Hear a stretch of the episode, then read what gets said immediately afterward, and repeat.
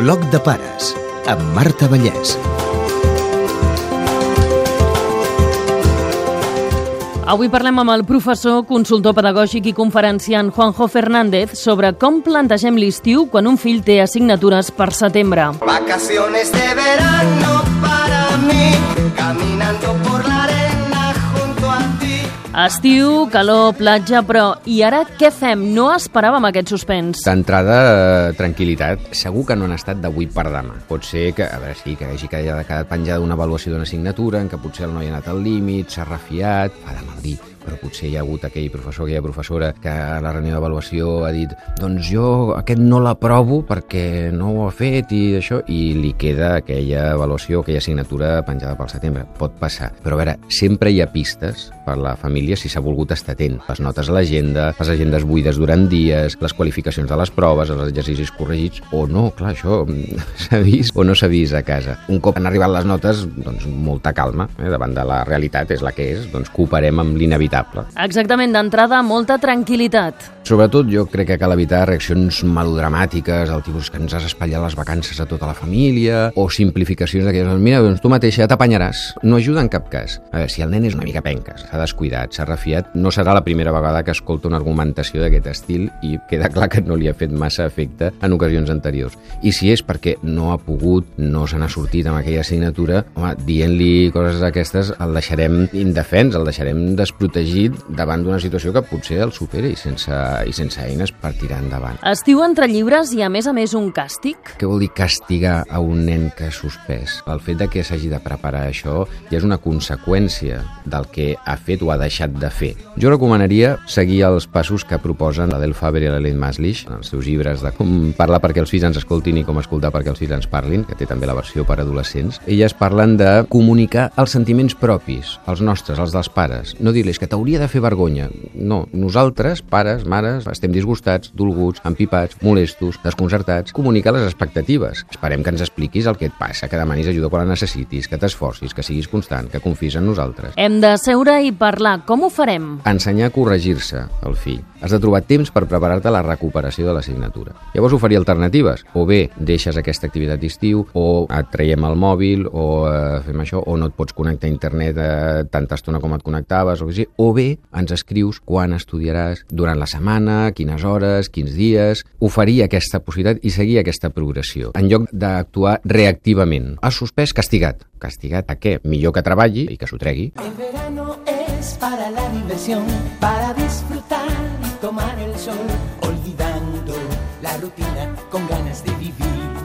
Cal fer una bona planificació de la feina. La família, insisteixo, també té informació en el moment de programar les vacances com per pensar, a veure, pot passar que aquest fill nostre o aquesta filla doncs igual suspengui, hem de preveure, però no han de marcar les vacances. El que sí que s'ha de fer és un plantejament, i tant que sí. De la mateixa manera que durant el curs no hem de deixar que arribi al cap de setmana sense saber quins deures hi haurà per dilluns i la resta de la setmana següent, no podem deixar que passin dies de vacances sense tenir clar què cal recuperar i com. Hi ha feines pendents, hi ha quaderns de repàs, hi ha materials específics, què entrarà en la prova, com serà aquest examen... Assegurem-nos que sabem exactament què és el que s'haurà de fer, què és el que s'haurà d'estudiar, com serà aquella prova. Que no ens trobem a mig estiu, el dia 1 de setembre, ah, sí, hi havia de fer aquelles làmines, hi havia de fer un treball i he de llegir-me... Això deixem-ho clar ara.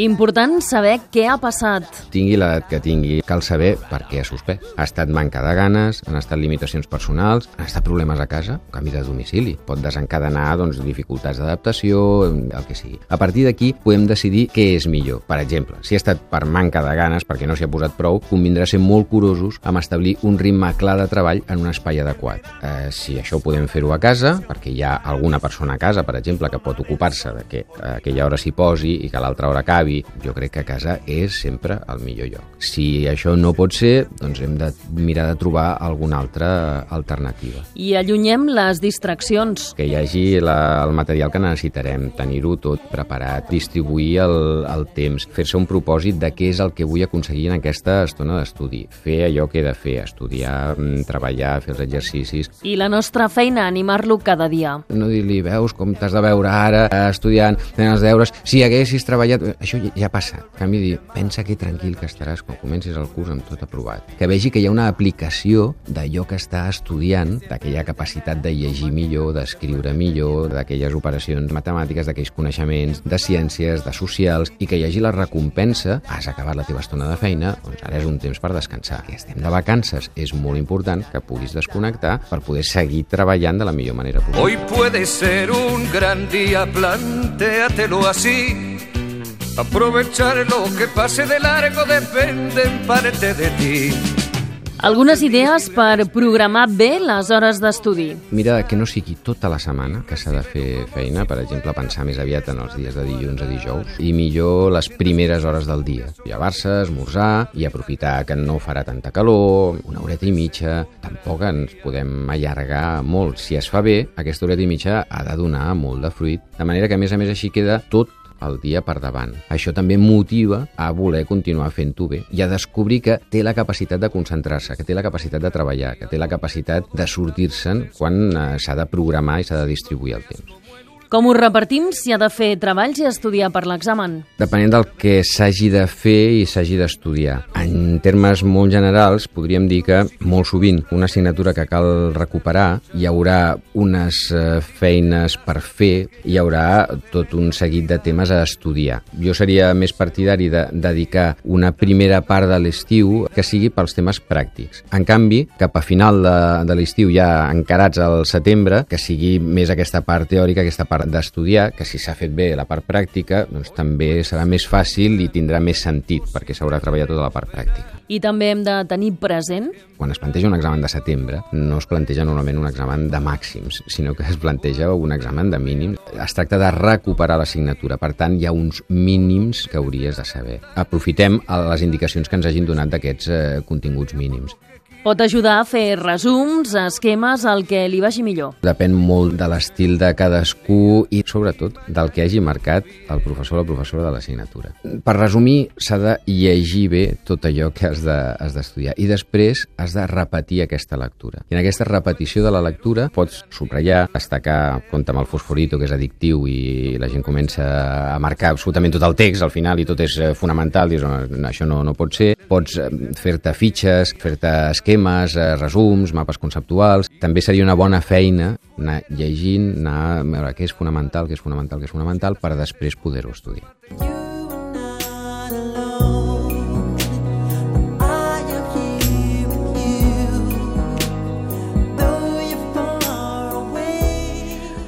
Els hi hem de fer costat perquè poden tenir molts nervis a mesura que s'acosta l'examen. Està nerviós sempre en els mateixos exàmens? Li passa sempre amb la mateixa assignatura, amb el mateix professor? Com sempre, és important mirar d'acotar una mica, de diagnosticar exactament què està passant. També tenir en compte situacions de dificultat més concretes. Primers cursos de primària, de vegades hi ha nens que es descobreixen els defectes de visió tard. El nen o la nena que té algun trastorn de dislèxia, que triga molt en fer l'examen, és que és lenta, és que necessita més temps. A banda d'aquestes qüestions més concretes, en termes generals, si hi ha tants, tants nervis, eh, pot ser interessant a casa, mira de fer una, una simulació d'examen.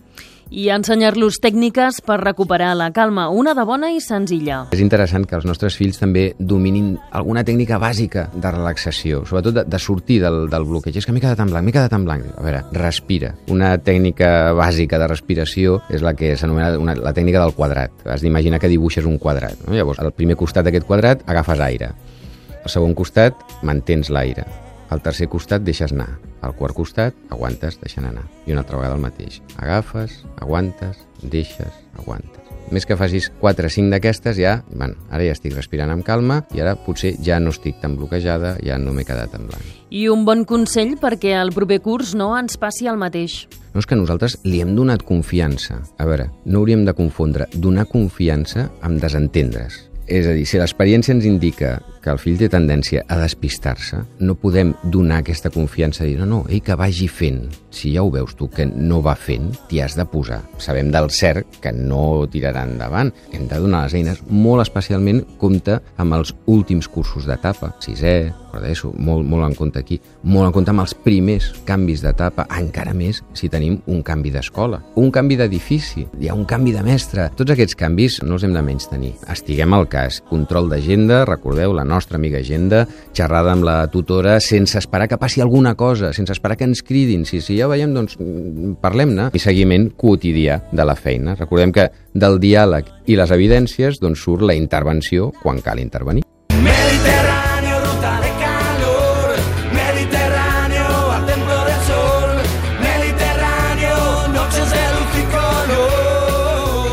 I els que no han suspès dos mesos sense fer res? Què vol dir sense fer res? Fins i tot, fins i tot admetria que un nen pogués estar dos mesos sense fer absolutament res, depèn de com hagi estat el seu curs escolar. Què volem? Nens que durant tot el curs escolar han estat hiperocupats, una mica mega estressats, de vegades per les dificultats pròpies de la logística, de l'organització dels pares, que han tingut extraescolars, paraescolars i topescolars a tota mena, precisament per reforçar els continguts, per aprendre anglès, per fer aquell esport. I ara, a l'estiu, han de fer més coses. Davant el dubte, remenem entre els records. És de les coses que es valoren molt especialment de les vacances, de quan érem petits, que eren llargues, que hi ha temps per tot, per avorrir-se també, i això és eh, fonamental. I en canvi ara hi ha aquesta cosa que fa de molt mal dir i no fa popular, però hi ha aquesta cosa com de els fills que gairebé destorben. Potser perquè no saps massa què fer-ne, o aquesta història de... És que llavors s'oblidaran. Dius, bueno, i? Jo estic molt a favor de que a l'estiu hi hagi molta activitat. Quan es fa bé, és una activitat que és sumament educativa. El nen que pot fer cabanes, que pot anar en bicicleta, que pot jugar a la platja, que pot fer excursions a la muntanya, que pot estar a casa, que pot mirar una estona a la tele, que pot llegir. Fa moltíssimes activitats. Jo crec que amb això hem de ser molt oberts i, insisteixo, ser molt honestos i recordar com eren les nostres vacances. Què fèiem nosaltres i què no fèiem nosaltres. Quanta estona podíem estar sense fer res. I si nosaltres els proposem llegir? sempre i quan la lectura sigui motiu de joia. Llegir, si no ve de gust, no serveix per res. No ha de ser mai un càstig. Això passa de vegades al, al pobre xaval que ha acabat els deures massa ràpid. Has acabat? No, no sé, fes alguna cosa. Agafa un llibre, com una mena de, de, de, de condicionant. No pot ser que estiguis sense fer res. Quedes condemnat a, a agafar el llibre. Poden ser llibres educatius? Fantàstic. Que pot ser alguna altra cosa? També. Sempre hi ha algun però. Un pare, en una xerrada sobre la lectura, un pare es queixava és que el meu fill només llegeix un diari esportiu. Dic, bueno, i? No, però és que el llegeix cada dia, eh? I? Quin problema hi ha? Oh, és que és un diari esportiu. Bueno, i què, eh? Jo no llegiria? No, però és que a mi no m'interessa. Però si li interessa, llegeix cada dia el diari esportiu. Escolta'm, fantàstic. Potser en un altre moment, a partir d'allà, veurà que aquell entrenador li agrada la poesia, que l'altre escriu relats eh, en, el, seu- en el seu temps lliure i li agradarà anar per aquí o anar per allà. Fantàstic. I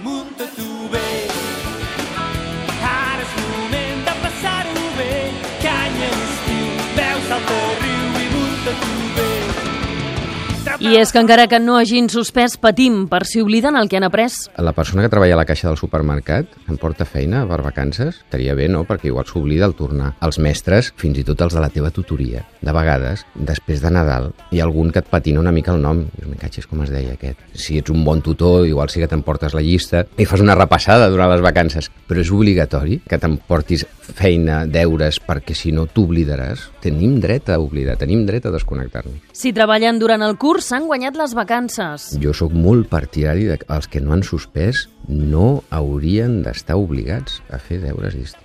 Jo estic molt convençut d'això. Els que han aprovat tot, i més encara si han tingut eh, bona nota, hi ha escoles que fan això. Els que han suspès tenen aquesta feina, aquesta feina. Els que han tret bé tenen aquesta feina, aquesta feina. Els que tenen notable, aquesta. Els que tenen excel·lent, dius, escolta'm, que no cal. No és imprescindible. A mi no m'ho sembla. Ja surt el sol, xurup. Ja surt el sol i penso quina sort. Vols saber més coses, Et recomanem el llibre del Juanjo Fernández Com ajudar els fills a estudiar i fer els deures del col·le, de l'editorial Claret. També prevenir el fracàs escolar des de casa de Ramon Casals, publicat per Graó. I Com hablar para que sus hijos estudien en casa y en el colegio, d'Adel Faber i Liane Meslis, publicat per Medici. I a internet podeu trobar el nostre expert a juanjocosesquepenso.blogspot.com i les 3 Bs dobles juanjofernandez.com. Molta calma, molta tranquil·litat. Mira, deia Cervantes es que los males que no tienen fuerza para acabar con nuestra vida no lo han de tener para acabar con nuestro ánimo. Un suspès és un suspès, i dos suspesos i tres és, és el que és. El que quedarà quan passi el temps no serà aquell suspès o aquella recuperació, sinó com vam treballar aquell suspès i aquella recuperació. Que sigui el record d'aquell estiu que ens ho hem passat tan bé, que vam anar aquí, que vam anar allà, i a més a més resulta que havia de recuperar jo, però ja ni me'n recordo. Fem-ho amb alegria, fem-ho amb tranquil·litat, fem-ho amb voluntat de desconnexió i d'aprofitar molt, molt aquest temps de vacances per estar en família, per estar amb els nostres fills, per conèixer-nos tots plegats i per passar-nos-ho molt bé i per estimar-nos, que és del que es tracta.